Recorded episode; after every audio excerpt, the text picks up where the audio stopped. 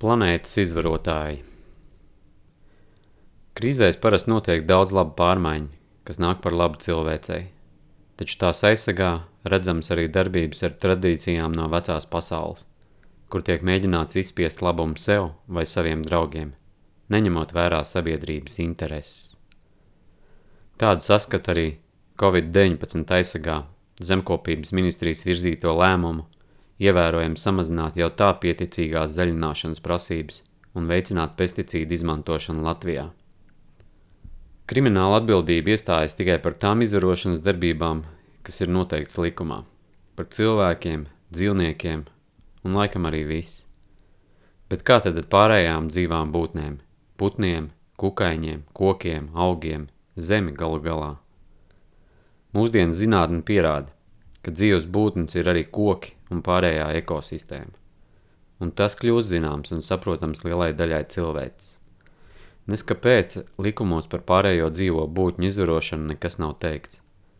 Tu vari uzgāzt virsū augiem, kukaiņiem, zemē ķīmiju, un tev par šo piesmiešanu nekas nav.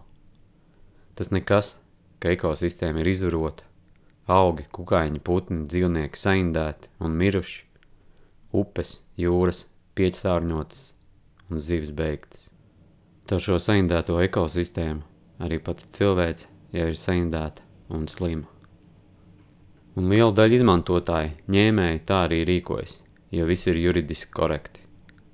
Arī mēs kaut kādā mērā atbalstām šo piesmiešanu, jo iegādājamies produktus, kas šādā veidā ir izaudzēti.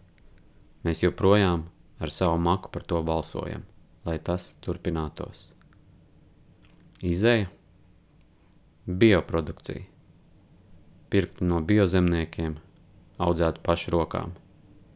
Ar šādu balsojumu lielajiem piesmējējiem būs jādodas ar kājās iežmiegtu asti projām. Droši vien arī prom no dabas, jo tur viņiem turpmāk atrasties būs kauns. Kaut gan daba viņas labprāt savā klēpī pieņemtu un ar dabas medicīnu izārstētu.